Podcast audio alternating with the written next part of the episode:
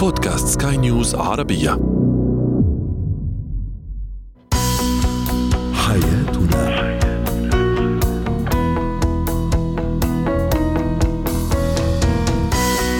أهلا بكم مستمعينا الكرام إلى برنامج حياتنا برنامجكم اليومي الذي يعنى بشؤون الأسرة وباقي الشؤون الحياتية الأخرى والذي يمكنكم الاستماع إليه عبر منصة البودكاست لسكاي نيوز عربية. معي أنا طيبة حميد.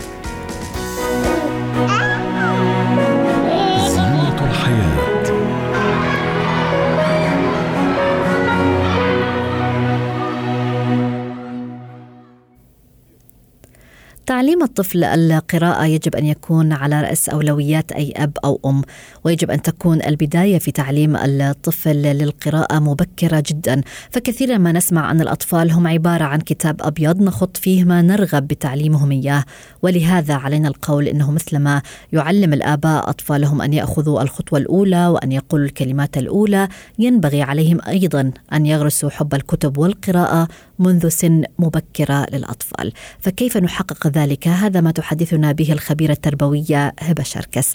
أهلا بك أستاذة هبة معنا في برنامج حياتنا. يعني القراءة مع الطفل بالتأكيد هي من أهم الأمور التي يمكن للأهل تقديمها آه، لهذا الطفل لجعله بالأخير قارئا أفضل. متى فعليا نبدأ القراءة مع الأطفال؟ من سن سنة لسنة ونص ممكن نبدأ نعمل نقرأ إحنا لأطفالنا. آه اللي هي حدوتة قبل النوم. بدل ما نحكي الحدوتة كده ممكن يكون معانا كتاب. وطبعا الكتب المصممة للأطفال في الأعمار الصغيرة. بيبقى فيها صورة كبيرة بيبقى فيها سطر واحد كتابة اللي مكتوب تحت فالأم هي اللي بتقرأه. طبعا هي ما بتطلبش من الطفل في القراءة في السن ده بس هي بتوريه شكل الكتاب. وطبعا الكتب المصممة للأطفال بيكون سماكة ال- الورق أسمك ونوعية الورق بتبقى laminated كده بحيث إنه ما ينفعش يشخبط عليها أو ممكن يستخدم عليها ال whiteboard فقط. فإن أنا أختار الكتاب الصح وإن أنا من وقت للتاني أمارس القراءة مع الطفل قبل ما ينام ده ممكن يكون حاجة إيجابية. بعد بعد كده لما يبدأ الطفل مثلا عند سن سنتين أنا عايزة أعلمه بعض الألوان بعض الأشكال. ففي كتب كتيرة جدا ممكن تساعدني إن أنا أعلمه. فمهم إن أنا يبقى معايا كتاب بشكله يعني لأن طبعا في برامج تانية ممكن تعلمه زي مثلا على الآيباد في برامج ممكن تعلمنا الأشكال والألوان وأشياء زي كده لكن وجود الكتاب اللي بيعلم هذه الأشياء من سن صغير وإن الطفل يمسك الكتاب في إيده وإن هو يفتح ويبدأ يقول الألوان أو يقول الأشكال الهندسية أو يبدأ يعرف الكلام ده يبقى الكتاب مصدر للمعرفة يعني بالنسبة له. كيف يمكن حاجة نختار هذه الكتب المناسبة للطفل وحسب المرحلة العمرية؟ آه، هو في الحقيقة في المكتبات بتبقى الكتب متصنفة لكن كمان أولياء الأمور عليهم إن هم يختاروا الكتاب اللي يكون سماكة الورق بتاعته عالية ويكون الكتاب laminated يكون مغلف آه، بطبقة كده lamination علشان الطفل لو كتب عليه بيكتب عليه بال whiteboard يعني في أقلام ال whiteboard ممكن يتكتب فيها داخل هذه آه، الكتب من غير ما يفسد الكتاب ومن غير ما يكون سهل على الطفل تمزيقه.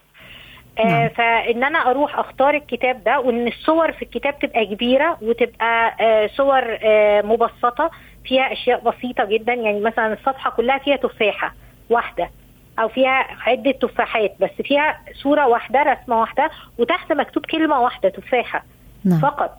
فده كل ما كان ال- الكتاب فيه رسومات أكتر فيه ألوان أكتر آه في آه يعني شيء مثير للحواس بتاع الطفل. بعض الكتب بتكون للأطفال ال- ال- الصغار من سن آه سنة ونص لسنتين بيكون فيها الملمس. يعني ملمس الفرو ملمس الحرير ملمس خشن ملمس آه، آه، بعض ال- الطوب الصغير أو زلط صغير ملمس ال- الأرض ملمس كذا.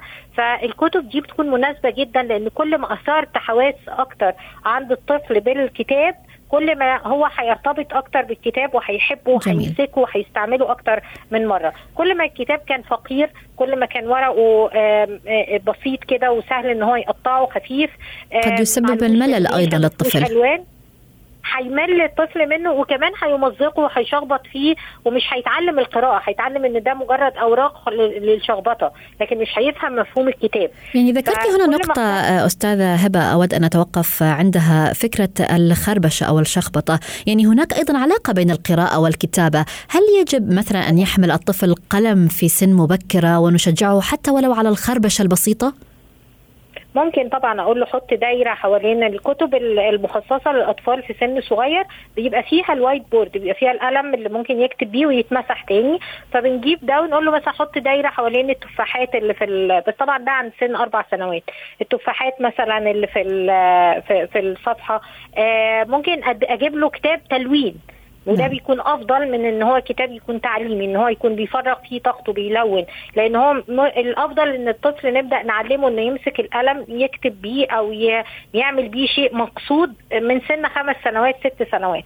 بس السنوات الصغيرة ممكن بس يعمل دايرة أو يعمل علامة صح تحت حاجة ممكن يلون. فده برضو بيكون كتب التلوين كمان الخاصة بالأطفال بيكون ورقها آه، أكثر آه، سماكة وبيكون بتكون بتقبل آه، أنواع معينة من الألوان اللي هي مثلا ألوان الشمع الآمنة نعم. والألوان الخشبية الآمنة للأطفال وفي برضو ألوان بتكون آمنة ومخصصة للأطفال لأن لو حطها في فمه أو مسك الألوان وبعد كده جاء أثر لها على يده وحط حاجة في فمه فما يكونش فيها رصاص طبعا. البعض طيب يعني من الأهل قد يلجأ إلى مواقع الإنترنت مثلا لتشجيع الطفل على القراءة أو الكتابة. أستاذ هبة يعني هل هذا صحيح أو بمعنى آخر مفيد للطفل؟ هو ما فيش ما يمنع ده بس أنا بفضل إن الطفل يبقى عنده كتاب. يعني الطفل ما فيش ما يمنع إن إحنا نجمع ما بين الطريقتين لكن نستغنى عن الكتاب تماما لأ. الكتاب مهم جدا. مهم إن البيت يبقى فيه مكتبة. مهم إن الطفل يشوف الأب والأم قدوة له ويشوفهم بيمسكوا الكتب وبيقرأوا. مش انتهى علاقتهم بالكتاب بمجرد ما تخرجوا من الجامعة. مهم إن الطفل نصحبه معانا إلى المكتبة. المكتبة أقصد بيها المكتبة اللي بنقرأ فيها.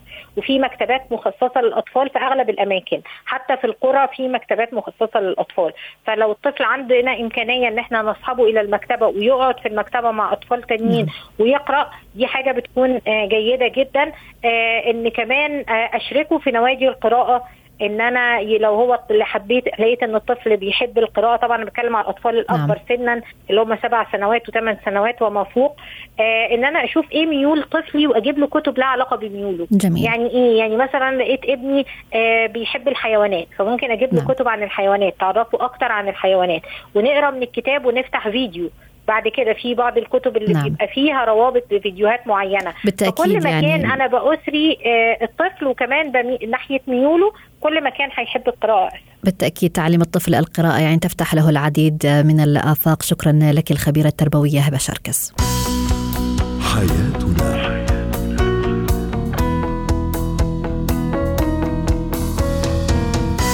من جديد أرحب بكم مستمعينا الكرام أنتم تستمعون لبرنامج حياتنا برنامجكم اليومي الذي يعنى بشؤون الأسرة وباقي الشؤون الحياتية الأخرى والذي يمكنكم الاستماع إليه عبر منصة البودكاست لسكاي نيوز عربية معي أنا طيبة حميد. هو وهي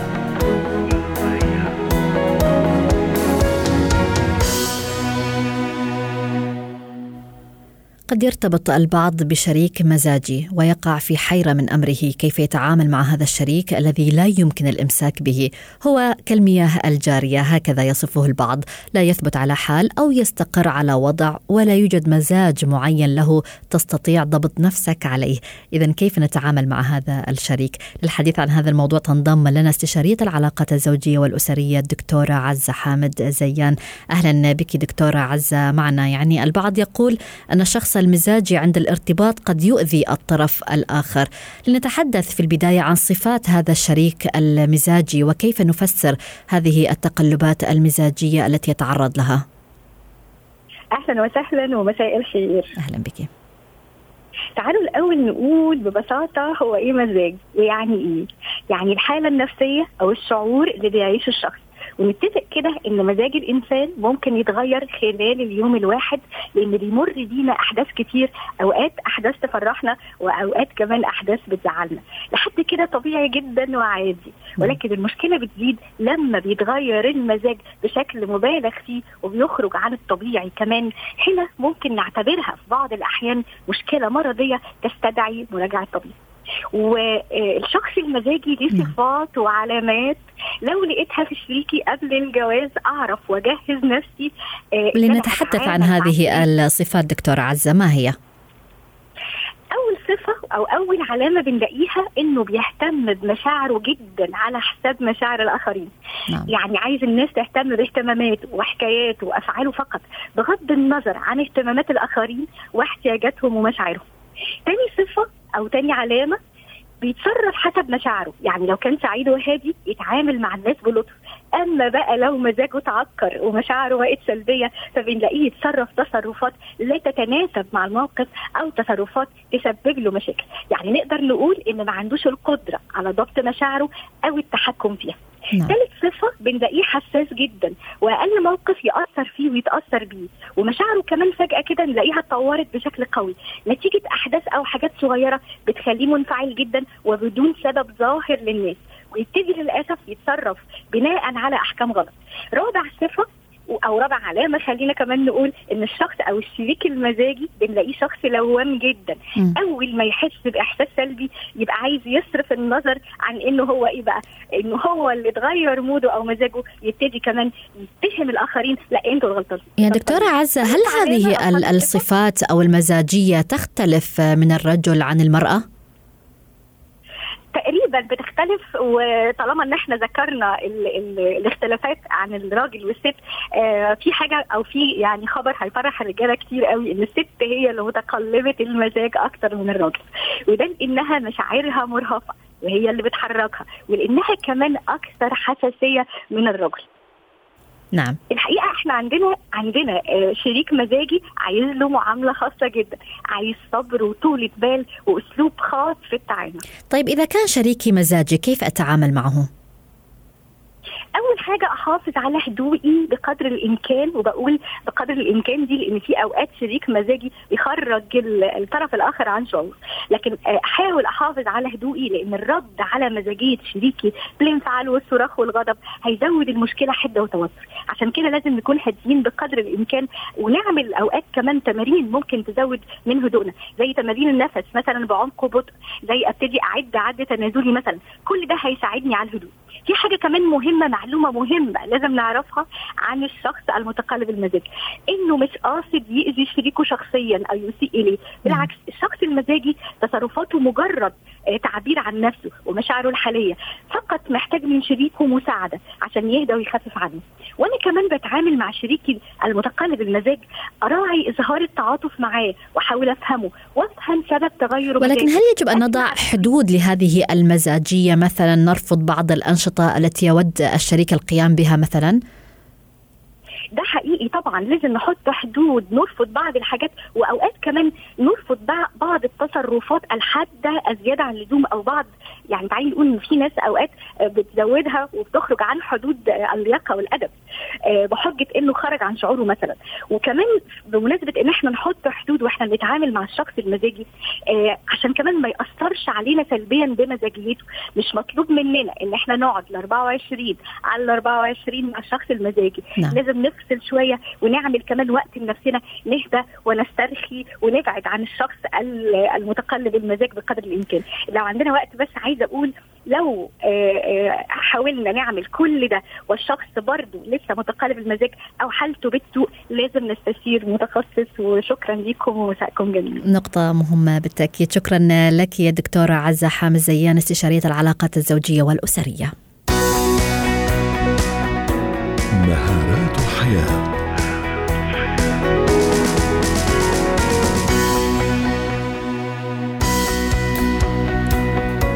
التعبير عن الرأي والقدرة على رفض أمر ما أو القيام بشيء ما يختلف من شخص لآخر. فالبعض مثلا لا يخجل من قول كلمة لا.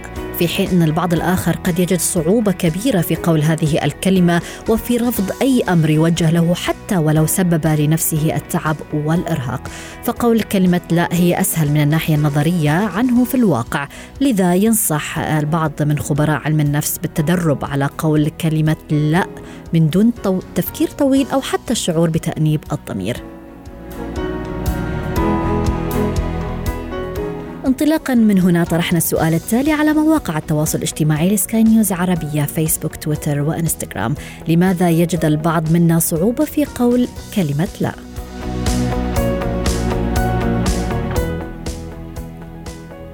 من ضمن التعليقات الواردة كانت لعز الدين الذي يقول آه، أن كلمة لا آه، أو عدم قولها يرجع لضعف الشخصية ونقص الثقة بالنفس. رواء تقول آه، من النوع أنا من النوع الذي لا يستطيع أن يقول لا ولكن لا أعرف لماذا.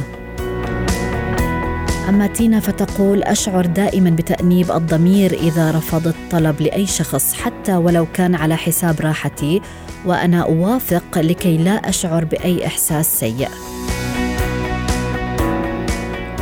لولو تقول أسهل شيء علي أن أقول لا. أما محمد فعلق وقال صعوبة كلمة لا هي كصعوبة أن تقول نعم. وأخيرا أقرأ تعليق ريم التي تقول أخاف من زعل الأشخاص فلا أقول لا.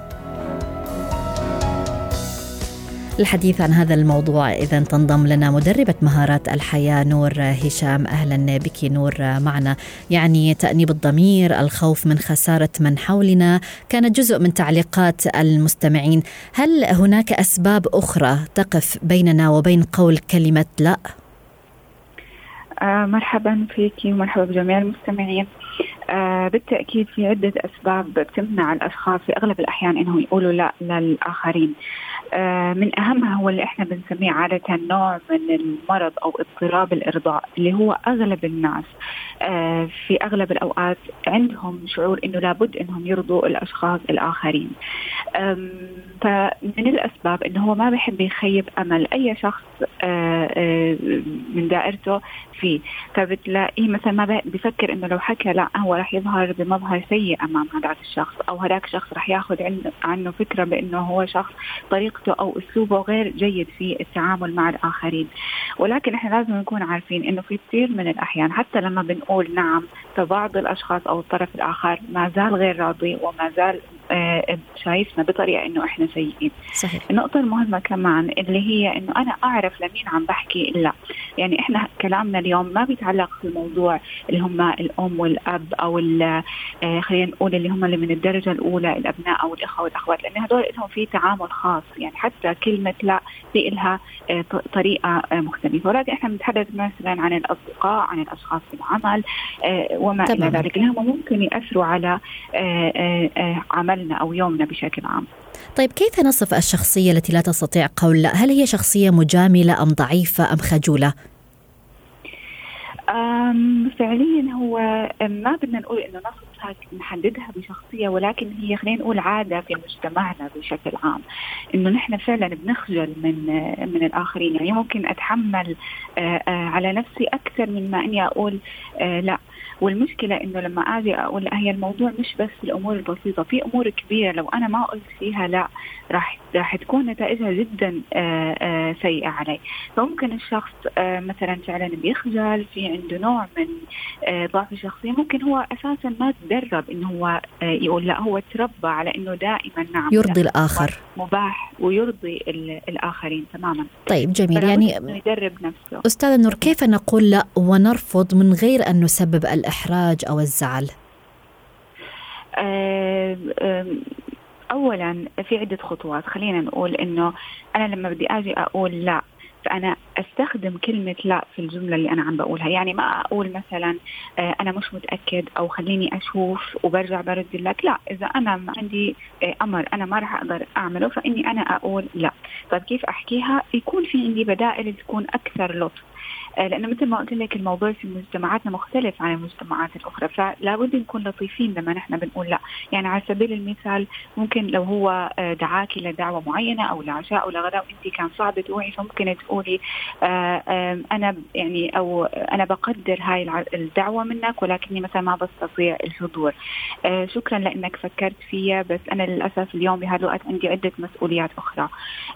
معلش ما تخليها اليوم يعني مثلا تقول له لا مش اليوم آه نخليها ليوم ثاني أو على سبيل المثال أنا في كثير أحيان أنا مجرد إنه أنا ليس لدي رغبة في في عمل هذا الشيء فبقول له أنا لا أشعر برغبة الآن. وشكرا لسؤالك شكرا لاهتمامك لكن ماذا لو الطرف ف... الآخر آخر مثلا أبدأ تضايقه من هذا الموضوع وبالفعل مثلا قد تسبب له بالإحراج أو الزعل. هل يجب أن أشعر بتأنيب الضمير أم كيف يمكن أن أتخلص من هذا الإحساس؟ بالفعل الشخص اللي فعلا بحبني واللي فعلا بيهتم لمصلحتي ولأموري ما راح يزعل وما راح ياخذ الموضوع على إنه أنا آه، ضايقته بالعكس راح يتقبل الموضوع راح يقدر الموضوع. فهي نقطة نقطة حتى ممكن أستخدمها في تصنيف الأشخاص اللي معي. يعني نعم. أنا أنت عم تطلب مني خدمة وأنا خدمتك كثير بس هالمره مثلا قلت لك لا أنت ما قدرت هذا الموضوع. معناته في آه، آه، لازم أعيد تفكيري في علاقتي مع هذا الشخص إنه هو يعني هل أنا فقط لمصلحته هو أو هو بيتبادل معي نفس الشعور؟ فهذا حيساعدني إني أنا أصنف الأشخاص. وفعليا لما أنا آجي أقول لا فأنا مش محتاج إني أبرر ليش أنا قلت لا. يعني أنا ببساطة ممكن أقول له لا أنا ما بقدر عندي أمر أو التزام آه آخر. نعم في بعض الأحيان ممكن إني أحكي سبب ولكن أنا مش مضطر للتبرير آه في بعض الأشخاص بتخجل إنها لو مرة قالت لا فهي ما راح تقولها مرة ثانية. صحيح. لا أنا ممكن أقول لا متى ما أنا ما كنت فعلا قادر وأكون حازم لما أنا آجي أخو أقول لا. يعني على سبيل المثال أنت تخيلها خلينا نضرب مثال لو حدا قال لك إنك تقفز من فوق آه، جبل خلينا نقول. هل انت هو أمر قد يكون خيال يعني مش نعم. دائما هذا مش طلب. لكن هل أنت رح تقول نعم؟ بالتأكيد رح تقول لا. ففي أمور أهم في حياتك وأهدافك نعم. أهم إنك تقول لا عشانها من إنك تقول آه، آه، نعم. نعم ودائما اسأل نفسك هل الأمر اللي هو طلبه مني بيستحق إني أنا أعطيه من وقتي من صحتي من أو من وقتي مع أولادي مع عائلتي آه، إحنا ما بقول إنه أنت كل شيء لازم تعمله يكون في له مقابل يعني بالعكس يعني قيمة العطاء جدا مهمة بالتأكيد. ولكن قيمة العطاء بتكون لها فن معين لابد إن نمشي تمام. عليه. شكرا لك على جميع هذه النصائح. مدربة مهارات الحياة نور هشام. حياتنا.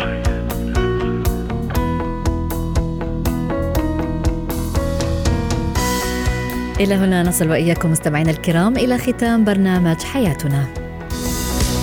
حياتنا.